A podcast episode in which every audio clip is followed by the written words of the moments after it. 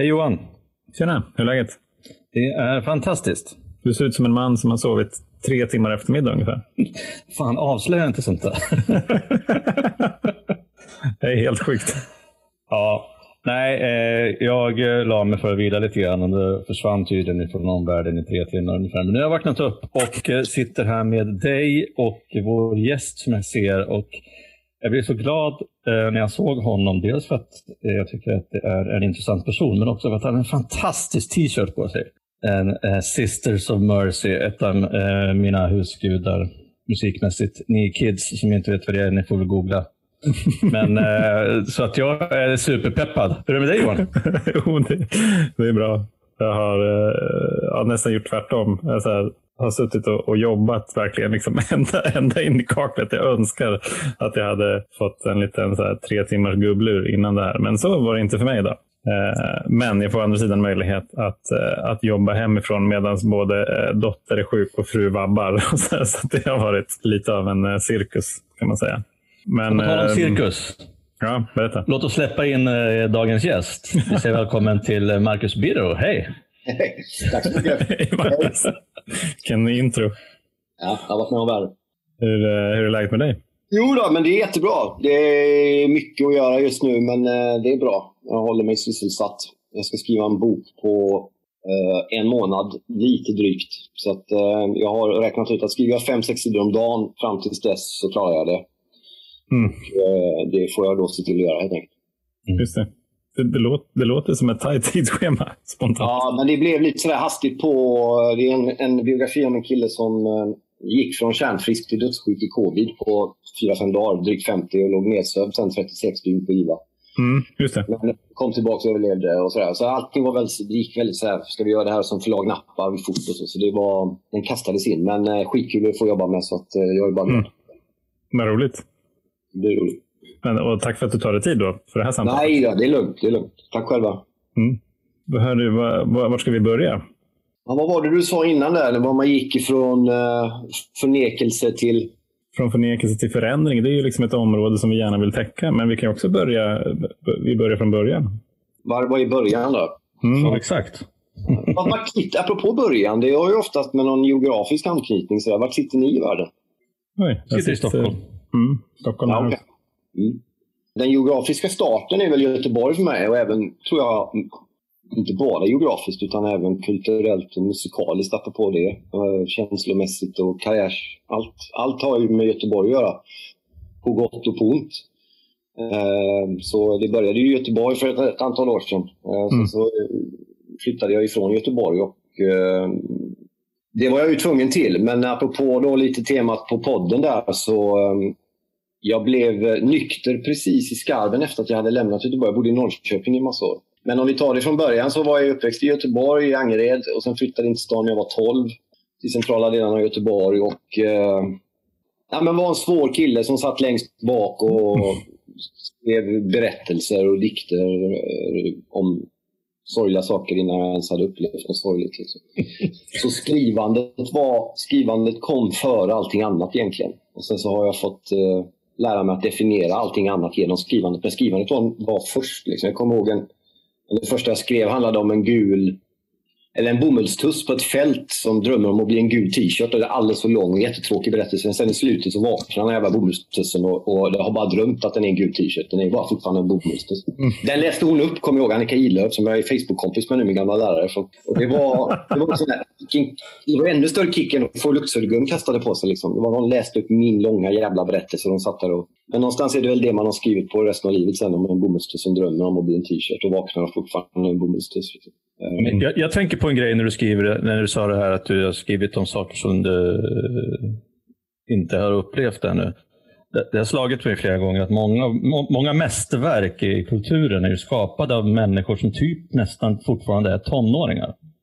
Och ska han spotta ur sig livsvisdom och eh, hjärtesorg och eh, saker och ting som man omöjligen kan ha upplevt när man har skrivit de här texterna.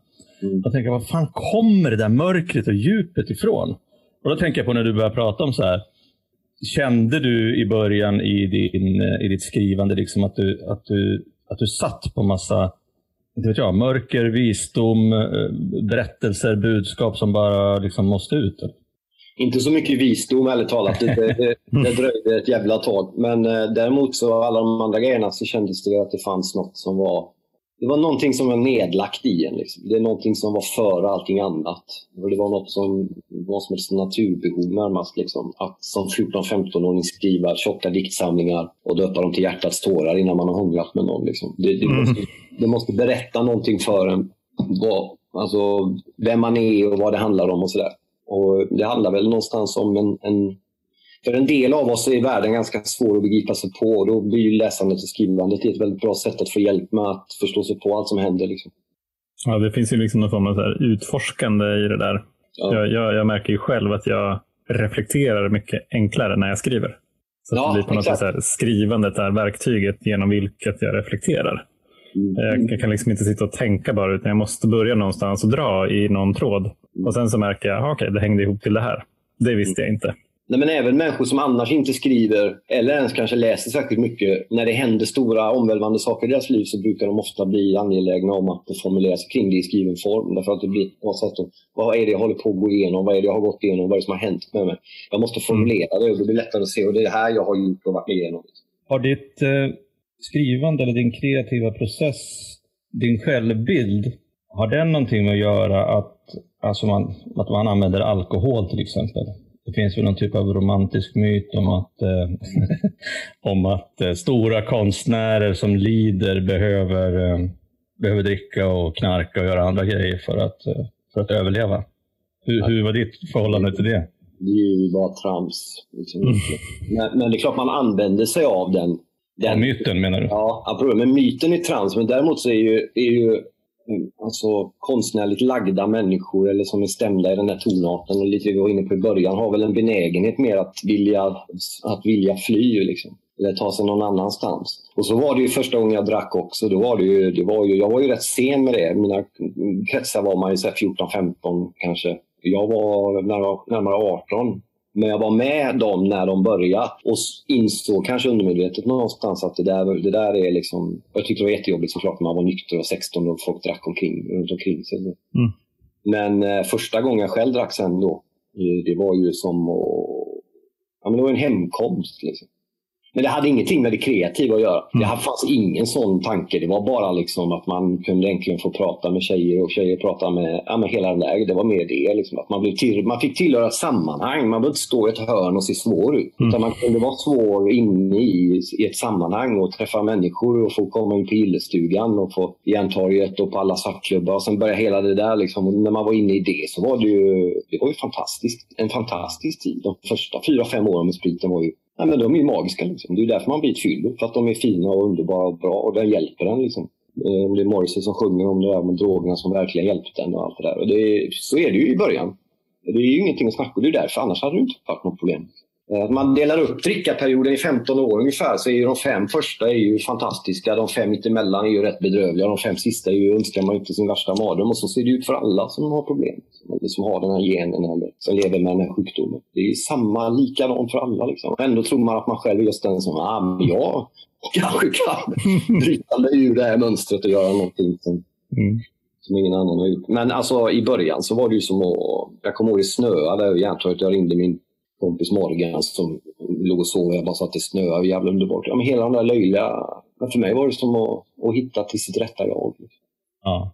Men det där, det där kan jag relatera till. Jag kommer ihåg en av de, en av de alltså, största andliga inom citattecken upplevelser jag hade när jag var yngre. Det var ju på fyllan. Jag minns specie, speciellt en midsommarafton på en gård ute på landet. Jag stod liksom jag gick ut ifrån festen och stod i ett rapsfält liksom i timmar. Ja, ja. Bara liksom, som snurrade runt och tänkte att, liksom, att jag är i himlen. Ja. Eller någonting sånt där. Mm. Jag, jag, kan relatera till det just att det snöar, att man, att, jag, att man kan få de här, eh, de här grymma liksom, eh, kickarna. Mm. När jag tänker på dig så, eh, så får jag för mig att du är en väldigt passionerad person. Mm. Alltså mycket engagemang och mycket grejer och hela huvudet in i saker och ting och sådär. Eh, Hela hjärtat, hela hjärtat in. Kanske inte alltid huvudet med dock. ja, okej. Nej, men hjärtat är bra. Eh, stämmer har, det? jag ja, det stämmer. Men jag har, oftast är det ju bilderna av, av en person som varit i en offentlighet av något slag men Ja. försökt, försökt ta sig därifrån. Den släpar ju lite. Ja. Så det, det är några år tillbaka. Så jag gör ju inte så jävla mycket. Jag, det jag gör just nu är att skriva eh, andras. Jag skriver Lasse Berghagens självbiografi till Mm. exempel. Och sen så jobbar jag med, med, med fotboll i poddformat. Det är vad jag gör. Jag har lagt ner allt annat skrivande, allt annat opinionsbildande, allt annat medialt. Jag blir liksom klar med det Mm. de grejerna. Men jag, det jag gör nu gör jag ju precis lika passionerat. Men med den skillnaden nu då att jag även har med huvudet lite in i det. Det hade jag, det hade jag inte under de, under de här jävla tokiga åren när man var på varenda medial plattform som fanns. Liksom. Ja. Vad, vad, vad är skillnaden? Jag mår mycket bättre nu. Jag mår oändligt mycket bättre nu. Allt är mycket lugnare. Jag skiter i vad som händer runt om i världen. Folk skiter i om jag skiter i vad som händer runt om i världen. Innan, hade jag någon sorts jävla föreställning om att folk satt och väntade på Twitter. Efter kvart i fem-ekot, runt halv sex. Ah, nu sitter nog folk där, Anders Lindberg och de på Aftonbladet. De vill nog höra vad jag tycker om den här diskussionen som vi står upp i P. Och så in på Twitter. Mm. Hela, den, hela den världen är ju... Den är ju, ja, men jag var där ett tag och det var väl liksom som det var. Men, men att komma ur den, eller rättare sagt vi sparkade ur den för det var vad som hände. Liksom. Men det var ju en befrielse efter ett tag. Att bara upptäcka att jag behöver ju. Det tog en vecka innan jag fattade att de hade stormat kongressen. Jag tänkte var några jävla bilder på några jävla luffare i några jävla tänkte, vad fan är det som har hänt? Jag har inga appar, jag har inget. Jag fyller ju liksom mitt liv med allt annat än den skiten nu. Så det, jag går åt ett helt annat håll. Liksom. Det, det är en otrolig... Både i skrivandet innan, även om jag då när jag får den här chansen så upptäcker jag att jag är bra på att prata om mig själv uppenbarligen fortfarande hela tiden utan annat. Men att skriva bara om andra, få jobba med fotboll, lyfta andra, backa själv, vara programledare istället för alltid gäst. För mig är det relativt nytt fortfarande och otroligt, otroligt befriande. Det är, det är underbart. Ja, Men det, det låter som en, ganska, som en ganska stor insikt och liksom ett stort, stor förändring. Ja, men det, det sista är det ju. Men insikten hade jag nog inte. Utan jag var nog, för det är ju ett halvt decennium nu som jag åkte ut från alla de där jävla ställena. Och jag, jag ville väl tillbaks dit. Och man, det fanns ju jättemycket pengar där. Var ju, nu är jag ju fattig som en jävla kyrkråtta. Liksom. Då var jag ju rik. Men jag hade ju inget. Liksom. Det var ju bara tomt och jag mådde dåligt. Jag åt konstiga tabletter som jag inte borde äta ibland. Och det var liksom för att jag mådde dåligt. Och fattade inte varför jag mådde dåligt när jag har fått allt som jag drömde om när jag gick runt där på Järntorget. Liksom. Var glad nu då din jävel. Så är jag inte det. Liksom. Och sen så, sen så kickades man ur och sen får man hitta, tvingas hitta en annan väg. Och så upptäcker man att fan, det här är ju en bra väg. Liksom. Det där låter ju som, eh, alltså, vi har pratat om det just kanske med mentala besattheter och sådana grejer. Att, att det, låter som, det låter som en kapitulation inför ja, men känslor eller, eller ouppmärksamhet eller, eller, det- eller dåligt mående. Att kapitulera och bara inse att, att det här funkar inte längre och sen så bara hitta, hitta en annan väg. Alltså jag tänker på det efter du blev utsparkad och ni som inte vet vad som hände, ni kan väl googla det också. Då. Men ehm, hur upplevde du den, den så att säga, nykterheten eller tomheten? Du säger att du ville tillbaka. Var det liksom var det sug eller kunde du, fick du hjälp att göra det eller fixade du det själv? Nej, men i början var det ju bara att jag var i skilsmässa. Eh, det var ju totalt kaos överallt. Jag åkte ut från allt. Jag gick från liksom 300 000 till... Ja, men alla, allting togs undan på, på två dagar. Liksom. Bokförlag, fotbollssajter, Mm. allt. Och ingen kunde definiera mitt straff. Utan det var bara den jäveln, han valsar men du vet, förbi och sparkar lite för alla andra sparkar. Det är klassiskt drev liksom. Sen om, om det var rätt eller inte, jag är part i mål, det får andra avgöra. Jag, kan inte, jag tycker inte det var rätt såklart, för det var jag som fick stryk. Men eh, då, där och då så var det ju ingen som... Då, var det ju, då ville jag ju bara tillbaka. Så jag satt ju och väntade. Tänkte okej, okay, åkte ut från ett sammanhang, men jag är fortfarande bra. Nu då ringer väl någon annan tidning och vill att jag ska skriva halvpolitiska texter där. Men eh, det gjorde ju ingen. Och långsamt så började jag inse att det, det är ingen jävel som kommer liksom hjälpa mig på det här. Jag måste söka någon annanstans. Sen var ju det här 2014, 2015, så det, det är ett tag sedan. Men den mediala ordningen ändrades ju där och då också. Plattformar flyttades. Det, det, de stora mediehusens makt minskade. Det gick att hitta egna vägar. Jag började göra saker själv. Och folk började, sen började jag sluta göra saker framförallt. Det är en grej när man hamnar i desperata lägen att man tror man måste göra massa saker och fortsätta och börja. Men man måste lägga av med massa grejer också. Det går väl att överföra på, på beroendesjukdomen också. Så det handlar om att sluta göra massa saker. Sluta bli arg på diskussioner i P1. Sluta bry dig om liksom, dagsaktuella frågor och den jävla samtiden. Liksom. Och när jag gjorde det så, så vände det. Hur, hur kom du på att det var det du skulle göra? Det tog tid, men, men eh, dels för att de andra dörrarna var stängda. Då började man titta åt ett annat håll. Man börjar kolla, okej. Okay. Och sen så skriva om fotboll och det hade jag gjort med stor framgång liksom tidigare och vunnit massa priser och sånt där. Så jag visste att jag, skrivandet, uttrycka mig, formulera mig, program, hela den där, det kan jag. Det är bara att man riktar det till något positivt istället, något bra liksom. Det är egentligen fortfarande samma kraft, det är samma eventuella talang och förmåga, men man lägger den i någonting annat. Vilket också går att föra över till beroendesjukdomen. Många som slutat mm. liksom med andligheten, all den tid man la på att förstöra sig på, den frigör man nu och lägger den på någonting bra. Det påminner lite om, om, om varandra. Liksom. Ja, precis. Det känner verkligen igen mönstret. Just att så här, rikta fokuset från någonting negativt till någonting positivt. Det är liksom en, en positiv effekt i dubbel bemärkelse.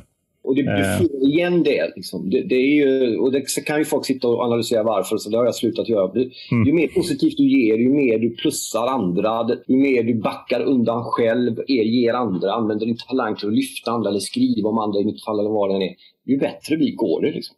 Men du går tillbaka till den här tiden då innan 2005. Jag är lite osäker på vad, vad det var du stoppade i dig på den tiden, om det bara var alkohol eller om det var andra grejer också jag funderade lite grann på hur, hur, du, hur du kände, hur du mådde där, hur du såg på dig själv liksom, i de här, den sista tiden innan du slutade. Okej. Okay. Eh, nej, det var bara alkohol. Ja. Eh, jag har aldrig tagit, jag har aldrig rökt haschen, så jag har aldrig tagit en vanlig cigarett. Mm. Det var, det var situationsmässigt bara alkohol då. Mm. Eh, men mot slutet sen, då hade jag ju flyttat till Norrköping på en principturné jag var på. Träffade en tjej där, flyttade dit. Men då drack jag ju fortfarande, men insåg att jag hade fått en chans som jag kanske inte riktigt var värd. Så jag tänkte den får man ju ta. Liksom. Det var mer att eh, ja, men jag var bara så jävla less. Jag vägde liksom 25 kilo mer nu. Kronofogdeskulder, lever, dåliga värden. Och läkaren sa fortsätter du så här så kommer du dö. Inte mm. nu kanske om 5-10 men det är liksom, dina värden det går bara käpprätt ner. Och du dricker varje dag och liksom, det är bara kaos och ingen jävel brydde sig om något. Och jag skyllde allt på alla andra. Och det var bara Ja, men det var kroppslig, andlig, yrkesmässig total misär. Liksom. Det var ingen som brydde sig och inte jag heller ja, det var liksom min botten. Det var bedrövligt på alla sätt. Va? Så då gick jag på, jag hade varit på A-möten i Göteborg också några gånger, men då gick jag på ett eh, nykter i Norrköping och, och hittade hem. Liksom. Så, och då mm. blev jag nykter. Det låter ju jävligt enkelt så här när du berättar det så här i efterhand. Liksom. Var, kändes det som det också, att det, att det var liksom glasklart? Enkelt och glasklart är det ju aldrig. när man... När man men, men jag, jag, kommer ihåg att när jag hade bestämt mig i början av juli, jag satt hemma. Jag hade fortfarande kvar lägenhet i Göteborg fast jag hade bott i Norrköping i ett och ett halvt år. Jag satt och kollade på den jävla Live Aid. Pink Floyd gjorde någon reunion där och de, jag satt och grät över David Waters kom upp till i sina jävla jeans. det här är så jävla fint och bra. Och jag bara, jag måste, det var bara en sån där utmaning. Jag, jag orkar inte sitta här halvpackad med de här jävla ciderflaskorna längre. Liksom. Jag, var, jag bara orkar inte. Och jag visste vad jag behövde göra för jag hade varit på A innan och jag hade formulerat för mig själv att jag var alkis en lång tid tillbaka. Liksom. Så jag, orkade. Men jag hade liksom ingen syn på vad som skulle komma. Att inom två år kommer du ha det och det och allt det där. Ingenting sånt. Utan det var bara en känsla av att jag, jag hade liksom inget skimrande sånt livets obehägande framför mig att jag skulle tillhöra på ett sånt där kristet sätt någonstans. Utan bara, jag, jag, är så jävla trött på det här. Det måste finnas någonting annat. Det, det kan ju omöjligt vara jobbigare än det här. Liksom.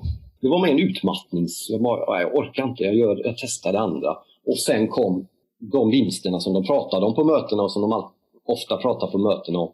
De kom väldigt fort och de blev väldigt dramatiska i mitt fall. Men det blir de ju ofta i många människors. Mm. Men i mitt blev de ju väldigt snabba. Vad, vad var det som hände då? då? Nej, men jag fick lite hjälp med ekonomin och min mamma betalade tillbaka. Så jag löste det. Sen två, två, tre år efter jag slutade dricka så hade jag omsatt de där kronofogdeskulderna i ett aktiebolag. Jag sände Karlavagnen och jag började vinna priser. Jag började tjäna pengar och började bli uppmärksammad och började få ett bokkontrakt. Och litterära agenter och vann På spåret och var med Och sen var hela den där jävla skiten i snörning. Liksom. Mm. Då, hade jag, då märkte jag att jag hade bytt ut en del en del av det där mot den där uh, bekräftningen. Jag hängde liksom inte med. Det var ju bara och, och, det var ju som ett mixerbord. Allt är på noll och sen så tre år senare så är alla regler på hundra. Liksom. alltså det, jag, jag, skulle ha sjukt svårt att hantera det. Kan jag säga. Men det är ingen som kan hantera det. Nej. Det går. Jag kommer att ha vunnit På spåret och det spelas ju in innan. Mm. I förväg. Och då ringer de från Let's Dance när vi är på den här På spåret-festen. Jag var där en stund. Så, ah, ska du med LSD? Jag hatar ju Let's Dance. Mm. Danser är det tråkigaste som finns. och, och det, är Let's Dance, ska du vara med? Ja, ja, klart jag ska vara med. Och så ringde de. Jag bara sa ja till allt. Och, du vet, det, nu händer det. Typ. Mm. Nu, är det, nu är man hemma. Men eh, det var man ju inte. Liksom. Sen var det mycket av det som var kul. Men sen också, en grej som jag vet inte om ni kan relatera till, men, men som jag kände, det var ju den jag kommer ihåg, inga jämförelser i övrigt, men när Lundell blev nykter vet jag. Och det var ju när folk som jobbade och ah, fan vad han är jobbig när han är nykter. fan vad mycket roligare när han drack och sånt där. Det är också så här, vem man blir när man blir nykter det är inte så, vi var med om en del dramatiska grejer med, med ex och mamma till mina barn nu då. Eh, vi förlorade två för tidigt födda barn under loppet av ett halvår med, med kister och, och gravar. Oh, hålla hela den där. Och det förändrar hela min syn på till exempel det här när ett liv är en liv och den diskussionen. Liksom, när ett liv är ett liv och, och hela den där. Och man började upptäcka att man hade värderingar. Som man, när man var halvpackad, på Andra Långgatan med palestinasjalar och alla var vänster och alla var. Så plötsligt började man liksom formulera tankar själv. Man började komplicera mm. bilden på Israel, Palestina. Man började lära. Man tänkte, vad fan, vem fan är jag egentligen? Liksom? Är jag inte Micke mm. Wienerström Eller håller jag på att bli en jävla KD-gubbe här? Vad är det som händer? Liksom? Mm. Men jag är nykter. Men man kommer inte riktigt överens med sitt nyktra jag. Och då bör man gärna gå, liksom, vem är jag i det här? Liksom? Det tyckte jag var jävligt jobbigt. Mm. Det, det, är ju superintressant det där. Eh, jag tror att det är många som kan känna den där liksom värderingsförflyttningen och inte riktigt fatta. Så har det varit för mig. Och delar av det där har liksom kommit med nykterheten bara det att jag har varit nykter. Och delar av det har kommit i stegarbetet. Att, så här, att verkligen fan, skrapa lite på ytan och se vem är jag egentligen och vem skulle jag vilja vara? Hur, eh, hur har det varit för dig? Ja, stegarbetet har jag väl gjort, men jag har inte gjort dem tillräckligt bra. Det ska jag vara villig att erkänna. Men eh, jag, jag, tycker det var problematiskt att, att bli nykter och när alla de här grejerna hände så snabbt att behöva förhålla sig till, till liksom en massa framgångar i livet och en massa drömmar jag hade haft som plötsligt, som plötsligt hände liksom, och mer ändå. Jag, jag tyckte att det var jävligt jobbigt. Eh, och jag, hade, jag, jag tappade fotfästet lite. Det gick så fort. Liksom. Så jag började, man började klä sig i kostymer som man har köpt på någon dyr butik på Östermalm och man började prenumerera på Dagens Industri. För att man hade, för att man hade ett aktiebolag. Liksom. Alltså, jag, jag skiter för fan i vad som står. Nej, den ska, vi ska ha den här. Jag bara plågar mig igenom den jävla skiten. Ja, du, du, du läste den också? ja, nej, men, ja, visst. Jag bläddrade igenom den. Så var det någon artikel ibland, någon helgbilaga med Gradvall. Det var ju kul. Liksom. Annars var det ju en jävla mardröm. Men det var liksom, man köpte paketet liksom. Ja. Och det var ju också en flykt in i något konstigt. Ja, men det är det, det är det som jag sitter och tänker på. Alltså det här med nykterhet eller mental besatthet. Det behöver ju inte bara ha med alkohol och droger att göra, utan den, nästan allting i livet går ju liksom att missbruka, känns det som. Och, eh, och jag kan känna igen mig mycket i att, eh, att inte på kanske dina nivåer, det har ju varken varit På spåret eller Let's Dance för mig, men, men framförallt bekräftelse. Mm. Att den är liksom svår att hantera. Mm. Alltså behovet av bekräftelse. Att, att försöka liksom bli den här människan som jag ändå vill vara. Att att kanske bry mig mer om andra människor än mig själv. Och det är ju liksom... Men vi är ganska fan. bra på att späka oss själva också. Det, det, ja, jag, exakt. Det är liksom, visst, det är en bekräftelse och den får man jobba med och ibland kan det vara bra att man får sparka ut ur det så att man får hjälp med det. Men det är också samtidigt en själv... Alltså, det är inte bara för en själv. Det är ett jobb den bekräftelsen som jag får handlar ju om att man ska kunna ha pengar till, till liksom att betala den här lägenheten som jag hyr svart efter att ha sålt min bostadsrätt efter att ha haft dåliga bostadsaffärer. Jag behöver en viss dos av bekräftelse för att kunna överleva i det jag drömmer om att få göra. Det är en del av yrket. Så att det, det, liksom alla människor vill ju ha en yrkesstolthet. Alla människor vill få någon sorts hyfsat sund bekräftelse på att det man gör är värt något. Liksom. Så att man behöver inte heller bara gå från 100 till 0 och andra hållet på den grejen. Nej. Nej, exakt. För det, det, handlar ju om att hitta en jävla balans liksom, ja. i det här som, som är nykter eller sund eller vad man nu vill kalla den. För att det är som du säger, vi, vi, vi, vi är bra på att uh, söka bekräftelse. Vi är också jävligt bra på att späka oss. Det är en jävligt, ett jävligt bra uttryck. Uh, det vi har svårt för det är att hitta liksom, någon typ av sund balans som funkar i vardagen. Ja. Vi vill ju gärna vara antingen noll eller hundra. Det är ganska intressant att det är många som, inklusive mig själv, som är väldigt rädda för att de ska bli tråkiga när de blir nyktra. Alltså här, som om livet som aktiv alkoholist skulle vara en fest. Det, det är det ju inte.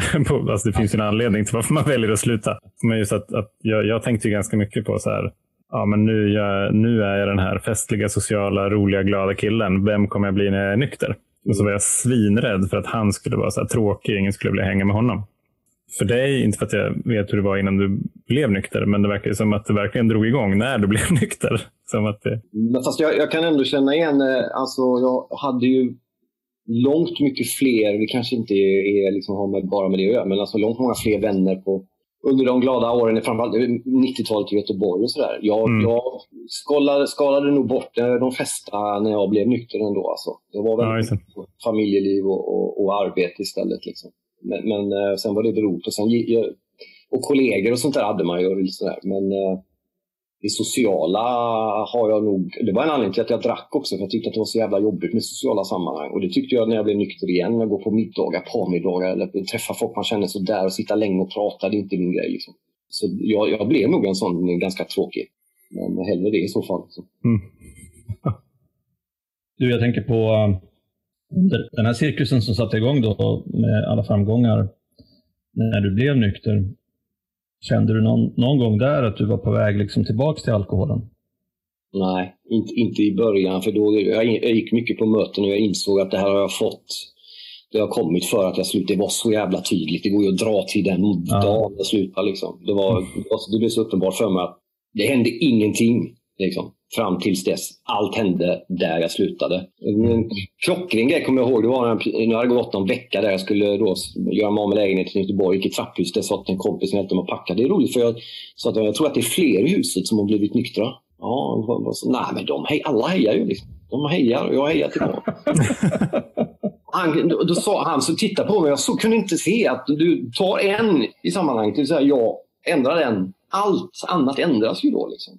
Medan mm. vi, innan har man försökt att tippa hela världen åt mitt håll.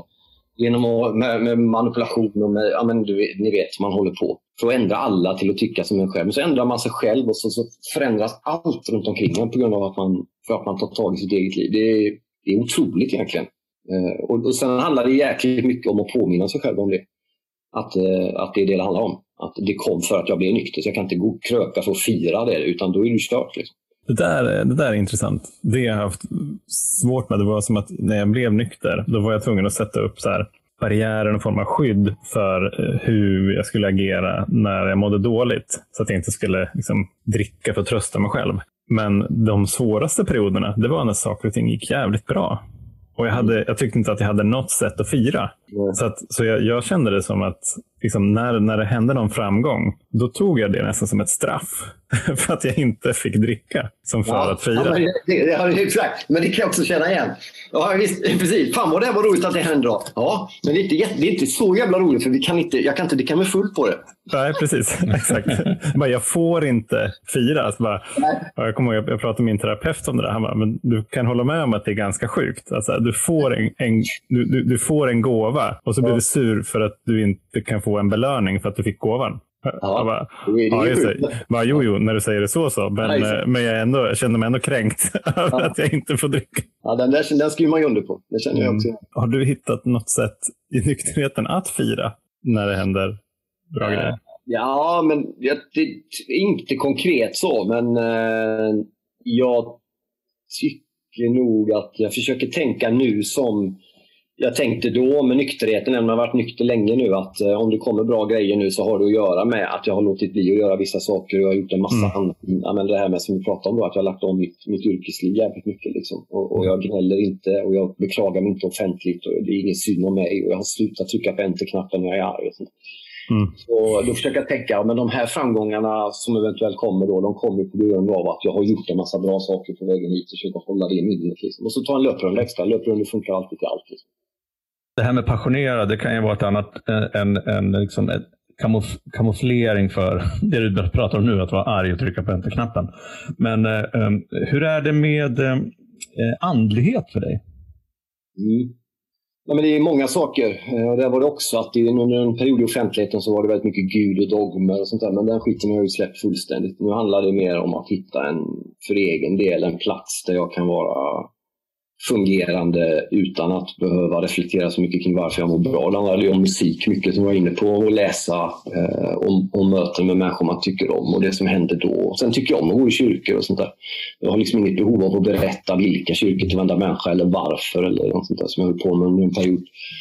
Men eh, andligheten är ju det är inget konstigt. Liksom. Det är bara något fullständigt som är med hela tiden. Däremot lever vi i en tid och så som jobbar ganska mycket mot det. Det finns inte så mycket plattformar att mötas på och prata om de grejerna utan det blir väldigt så kort och avhugget. Liksom. Men eh, Gud, som, som jag väljer att kalla den högre makten för mig, är ju det enormt viktigt. Och jag ber, jag läser mina små andaktsböcker, och Bibeln och allt möjligt. Liksom. Det är viktigt för mig, men det är ingenting som jag liksom, känner ett behov av sådär, skriva om eller berätta för folk som inte har frågat. Nu frågade du lite, men innan var det ju massa sånt där liksom också. Som inte hade med andlighet att göra, utan som återigen handlar om någon sorts positionering i offentligheten att göra, vilket var helt värdelöst. Liksom.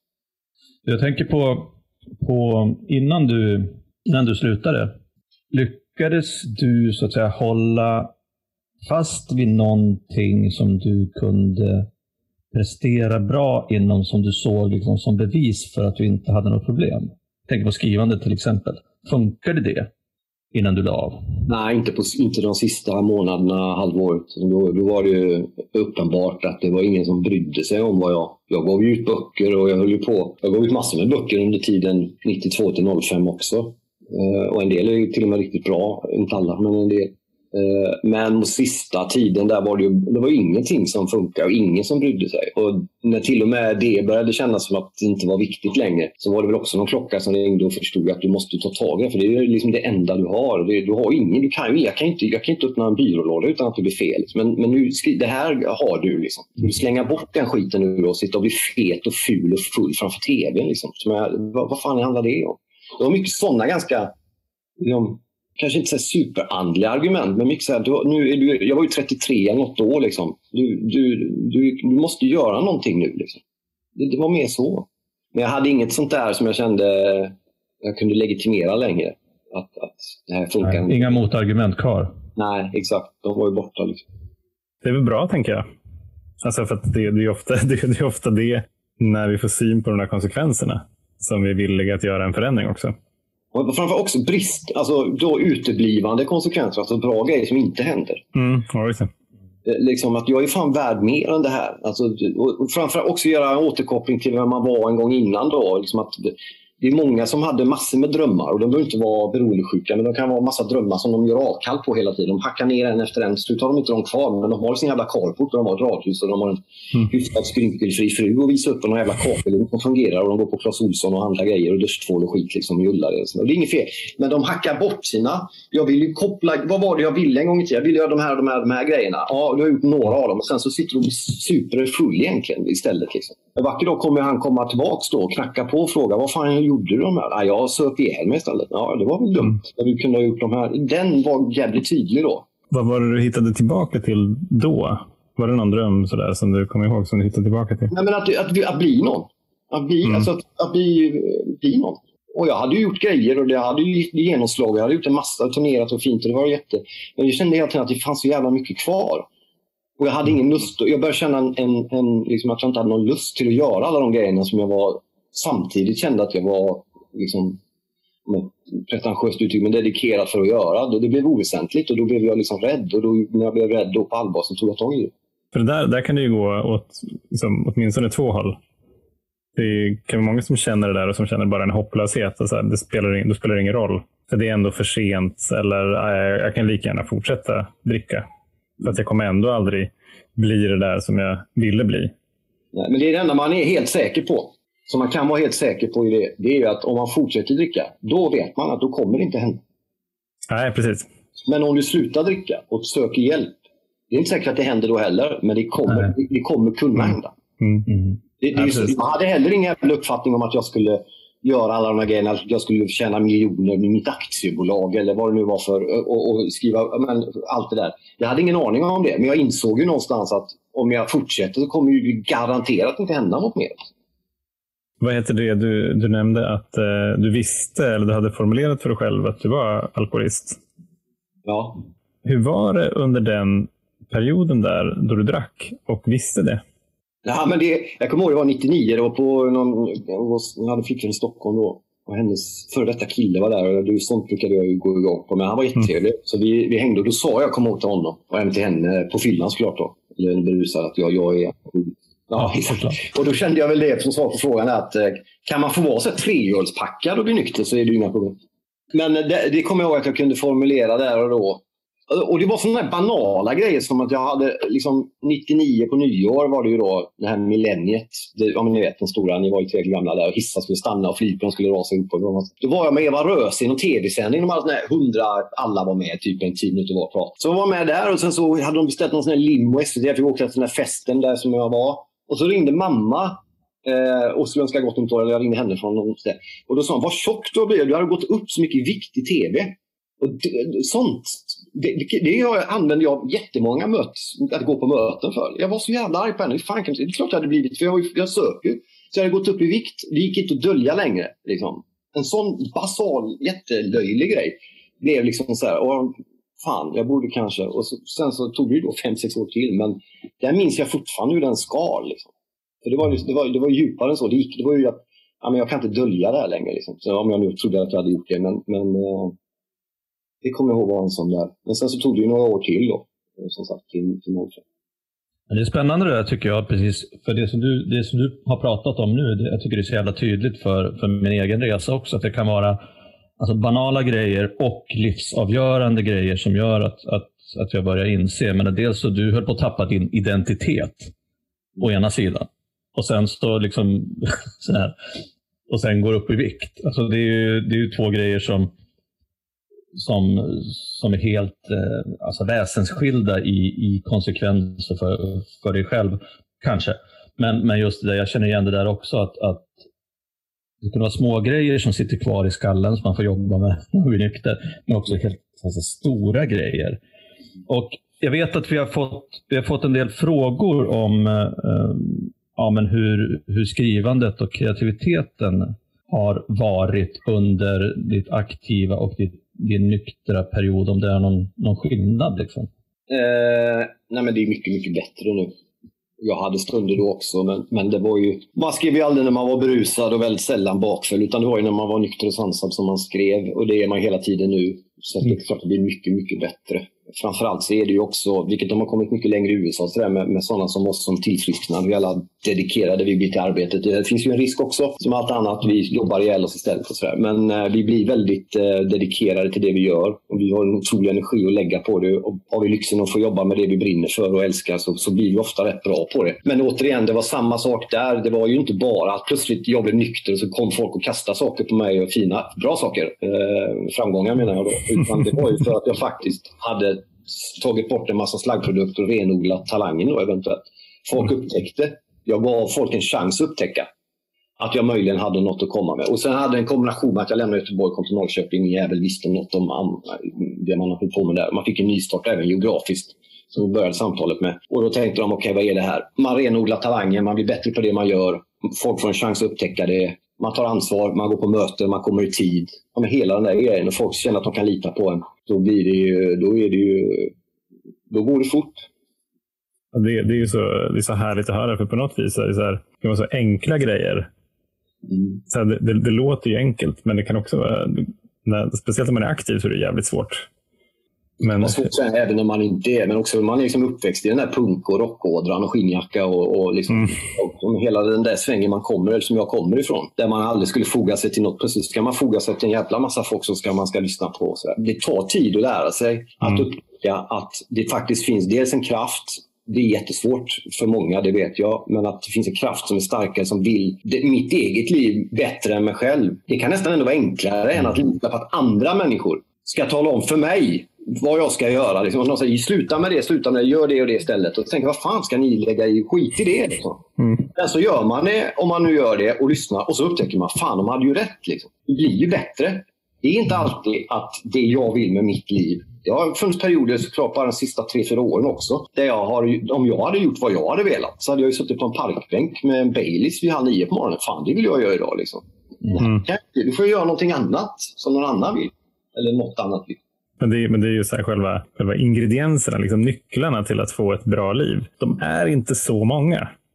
Nej. Det, det, det, och det, det känns ju både ja, men det känns hoppfullt. Mm. På något sätt. Speciellt när det kan kännas som att eh, livet är jävligt komplext och allting går för fort. Så bara, just det, men vad är det? jag glömmer ju ofta några av de där basala grejerna. Ja. Vad, vad är det jag glömmer att ta ansvar för? Men hur har ni det med, liksom, så med vemod och melankoli och sånt? Det kan jag fortfarande tycka är att jag kan bli, att jag kan bli nästan pornografisk. Jag kan sitta och kolla på du vet, någon jävla tysk som har lagt upp några bilder på när spårvagnarna gick 1989-92 vid Brunnsparken en juli eftermiddag i 20 minuter. och, och jag bara sitter, ja det kommer, och det är den reklamen på spårvagnen. Vad är klockan där? Och den går de förbi dagen flera. Vad gjorde jag då? Juli 92? Alltså hela den där bara som ett jävla mantra liksom. Och försöka ta sig ur det. Har ni sånt? Jag har egentligen under hela mitt, mitt liv så, så varit eh, så perioder när det gäller vemod och melankoli. Alltså ofta på höstarna. När, när, eh, när löven börjar bli gula och det börjar bli så klart och dofta, dofta höst. Då liksom kommer den som ett brev på posten. Och så går jag runt i tre till sex veckor och är jävligt melankolisk och tänker liksom att Antingen att det var bättre förr eller att det kommer bli bättre sen på något jävla vis. Och undrar vad fan jag håller på med. Men jag har märkt att jag har också varit nykter nästan lika länge som du. Eh, men jag har hittat ett nytt sammanhang nu, kanske framförallt med podden och, och ny gemenskap här i Stockholm. Jag flyttade hit för ett tag sedan. Jag har märkt att de senaste, senaste åren så har det där liksom eh, volymen på det där har skruvats ner. Och jag vet inte varför faktiskt. Jag vet inte varför. Jag tror att det handlar väldigt mycket om... Om man är lycklig? Ja, alltså, de, dels det. Alltså, jag, kan vara, jag kan vara mer närvarande, lyckligare kanske. Och jag tror det handlar också mer om något så jävla tråkigt som trygghet. trygghet om man nu tycker det är tråkigt. Nej, det är underbart. men, men, men, men det har... Ja. Men jag, jag, är, det är väl... jag är olycklig. Jag är också lycklig i, i liksom de största delarna. Men, men just det melankoliska stråket, det får jag men, men också det där att man, man är ingen slav under det heller. Liksom. Man behöver inte låta det segra och vinna. Jag kommer ihåg, jag gick, vi pratade om terapi innan där, jag borde börja för länge sedan, men det var någon som sa att bara för två, tre år sedan, eller tre, fyra i alla fall, om någon hade sagt att men du är ju inte dina känslor, så hade jag tagit det som en provokation. Det är klart jag är mina känslor. Du vet, det är liksom, det är jag, det är för fan, jag brinner. Jo, jo, men säger jag om en kvart så känner du på ett annat sätt. Ja, just Ja, fan ja. Det är ju riktigt. Liksom. Du måste inte agera på den där känslan du får. Varför måste jag inte det? Nej, det måste du inte. Nej, okej. Okay. Och så märker man, nej det måste du inte. Framförallt måste du inte berätta för hela jävla världen om nu de lyssnar. Skit i det liksom. Ha det lugnt. Ja. Och ha din mål, dina värderingar, riktningar. Gå åt det hållet. Gå åt det hållet du, där du vill vara den du är och så släpp det andra. Funkar fint. Det där är jävligt intressant tycker jag. För att jag, jag har ju så skapat någon typ av ja, regel eller förhållning för mig själv. att att känslor är äkta. Känslor är sanna. De ja. kan man, inte, liksom, man kan inte argumentera mot en nej. känsla. Nej, nej. så, du har mig ända hit där jag är. Vet du det? Mm. Så känner man någonting så är det liksom på riktigt. Ja, det är riktigt. Och det är sanningen. Sen så att mm. jag, precis som du, är en jävla vindflöjel och känner massor med saker hela tiden och byter, byter känslor. Det är en annan sak. Men det är också någonting som, som jag, jag tänker väldigt mycket på Alltså när jag var ung, jag var så världsmästare i att vara olyckligt kär. Det var min, favoritgren. Att kunna vara, ta på mig off, offerkoftan, gå och tråna efter någon som jag inte ens vågar fråga om, om hon ville liksom göra någonting.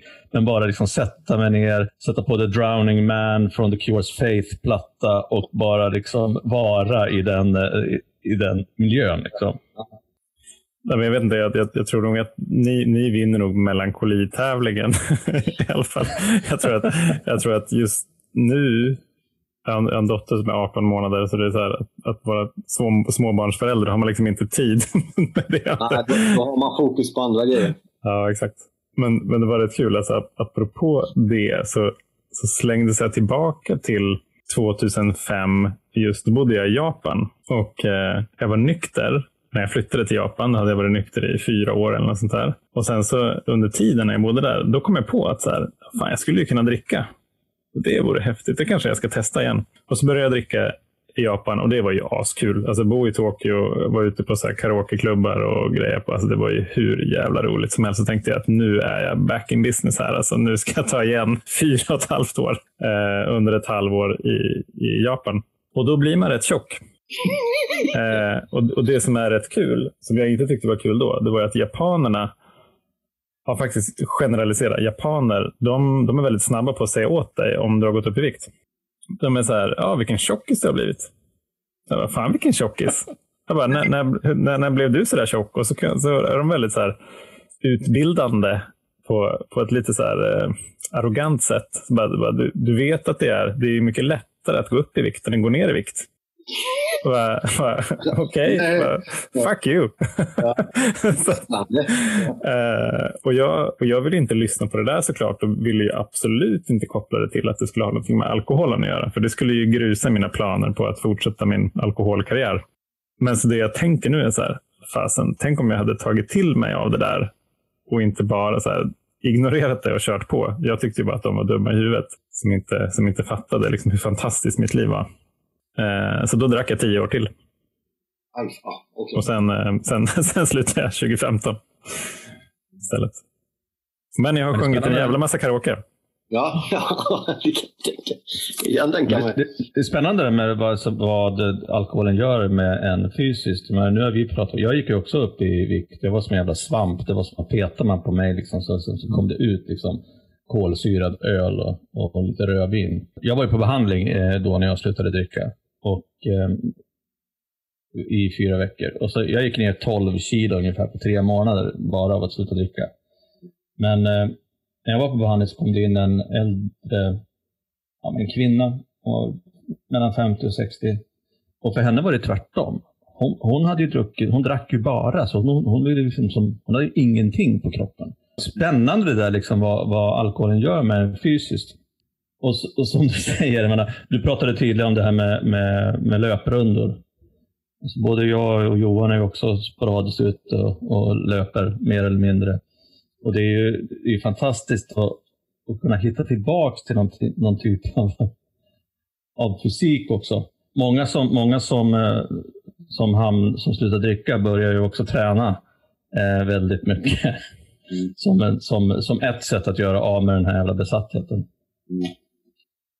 Så hur mycket springer du Marcus? Ja, men jag springer väl, ja, det är 35 minuter om dagen jag lufsar mm. runt. Så blir man lite snabbare annars. Så jag, det är inget extremt. Men det är viktigt att jag gör det varje dag. Jag gör det inte varje dag så känner jag oftast att jag sover sämre. Eller också, kanske också mental besatt noja över det. Men det är en annan mm. plusgrej med, med liksom att bli äldre som kan, man kan tycka vad man vill om man ser sig i spegeln. Och man liksom, du vet, min, min pappa är väldigt lik Lasse Brandeby och Kurt Olsson. Så att man fattar ju vart det barkar. Liksom. Men, mm. men samtidigt ibland då, om man blir för nostalgisk eller att man kan få någon svart tanke någon gång eller så, där, så kan man plocka fram någon bild då. Sista året när man var i Milano till exempel, stå framför domen och täcka halva domen för att man är så jävla fet med en jävla skjorta som bara väller. Liksom.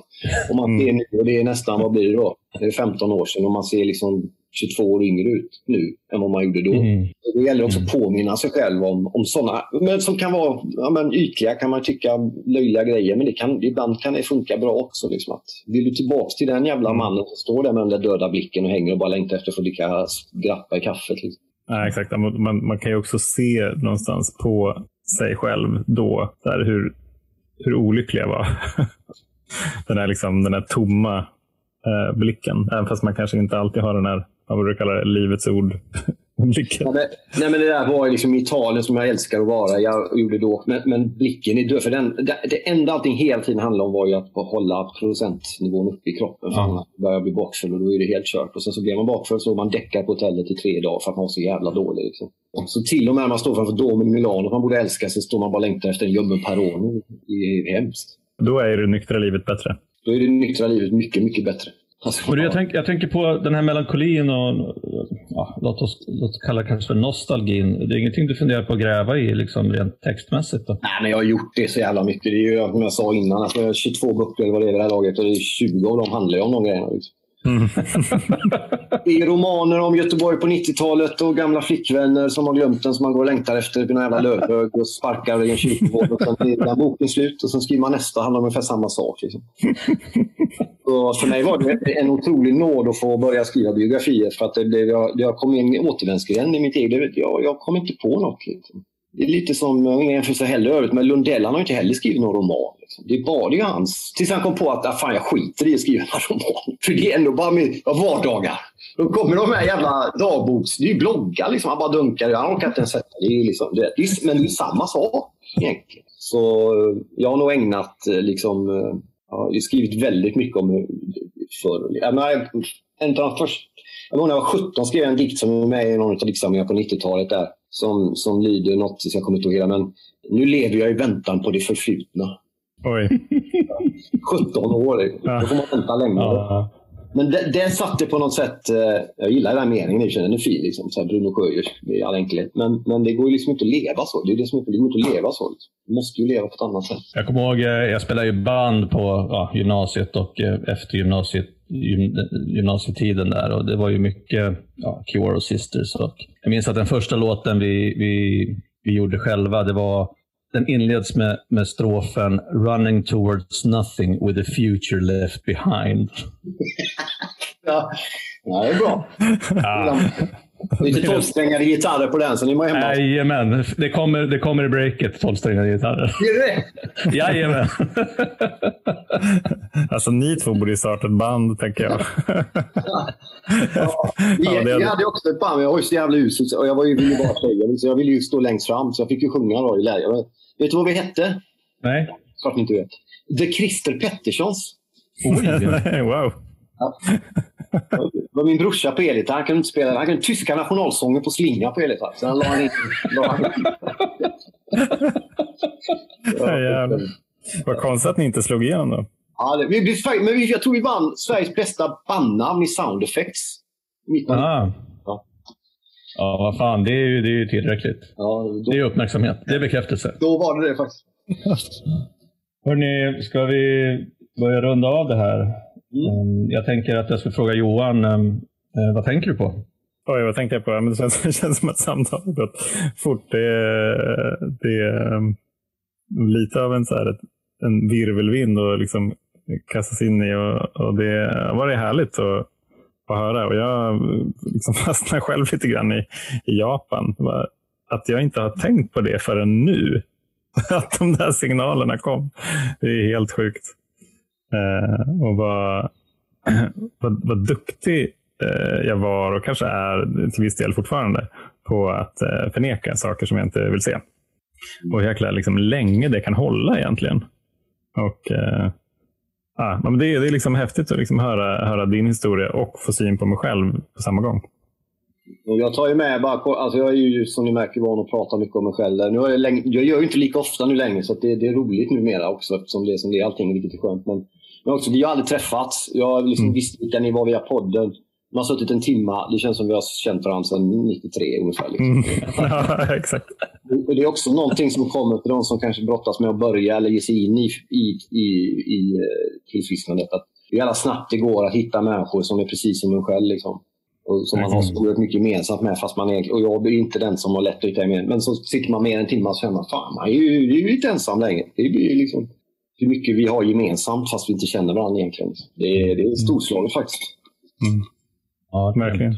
Vad tänker du Roger? Ja, Jag tänker på några saker. Dels att det var ett jävligt roligt samtal. Eh, kul att få gräva lite tidigare eh, musik, kultur, tankegångar, värderingar och misär. Men också, alltså, det som jag tar med mig, det är ju det som Marcus har sagt, som vi varit inne på just det att det Även om det är en jävligt stor grej att bli nykter, alltså livsomvälvande, så är det också de här, de här, och du var också inne på det, Johan, de här basala grejerna som, som kan göra att det lyckas. Det vill säga, man, man går upp, man klär på sig, man kommer i tid, man tar ansvar, man är vänlig.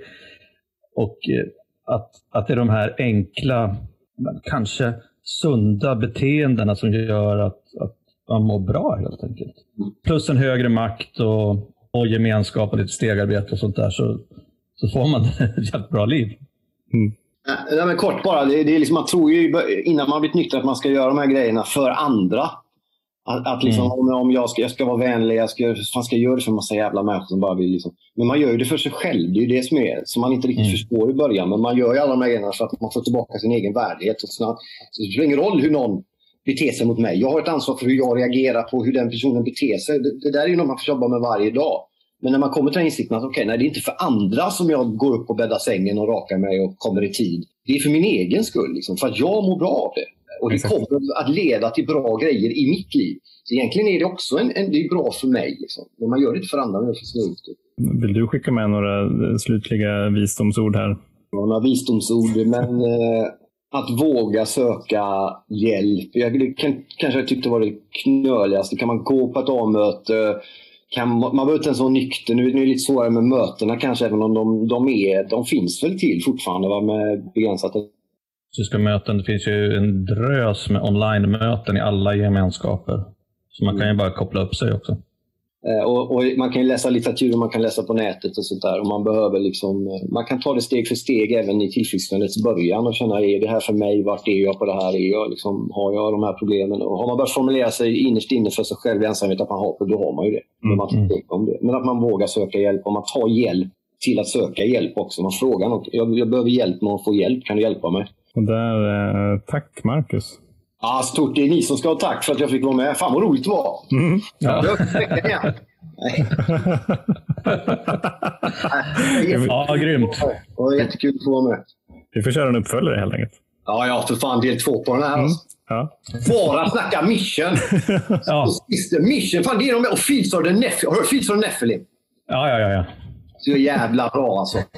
The Mission de, bara försvann, de bara raderade. Wayne sa det någon gång. Han satt på någon, sån här, du vet, någon, någon bänk där 90-91. De hade släppt en maskplatta, Like a Child Again. De fina låtarna, om du inte har hört dem, gå in och ljudgoogla dem. Vad fan det heter. Så sitter han där så kommer det några tonårstjejer svartklädda och tänker ah, okej nu är det massa, så här, nu kommer det bli. Och så har de så här Verb och Burg och allt vad fan de heter. Då sa han, then I know something else was coming. Mm. Och det, det gick det liksom inte... De var ju Englands största band 88-89 liksom. Och, och sen bara totalt utraderade. Medan folk fortfarande, när de ska gå in och prata 80-tal, de här jävla tv-program, så är det alltid de här George Michael och Samantha Fox och hela den här goth-rörelsen, den är helt utraderad. Det plötsligt dyker det upp som Marilyn Manson. Liksom, det har ju fan ingenting med goth att göra. Du får ju gå ner på en riktig nivå och lyssna på Sisters Mission, Fields of the Nephilim, Bauhaus och de grejerna liksom. Det är ju då och Cure då, men Cure är också så här, det är som Depeche lite liksom. Mission är fan i mig, det är ju bland det bästa som finns. Fruktansvärt bortglömda.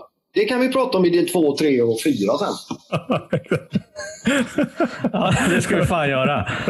Ja, för jag avslöjade för Marcus innan, innan vi började spela in att jag var ju på The Missions jubileumskonsert i London för fyra år sedan. Så att, eh, Ja, så att eh, vi har mycket, mycket gemensamt.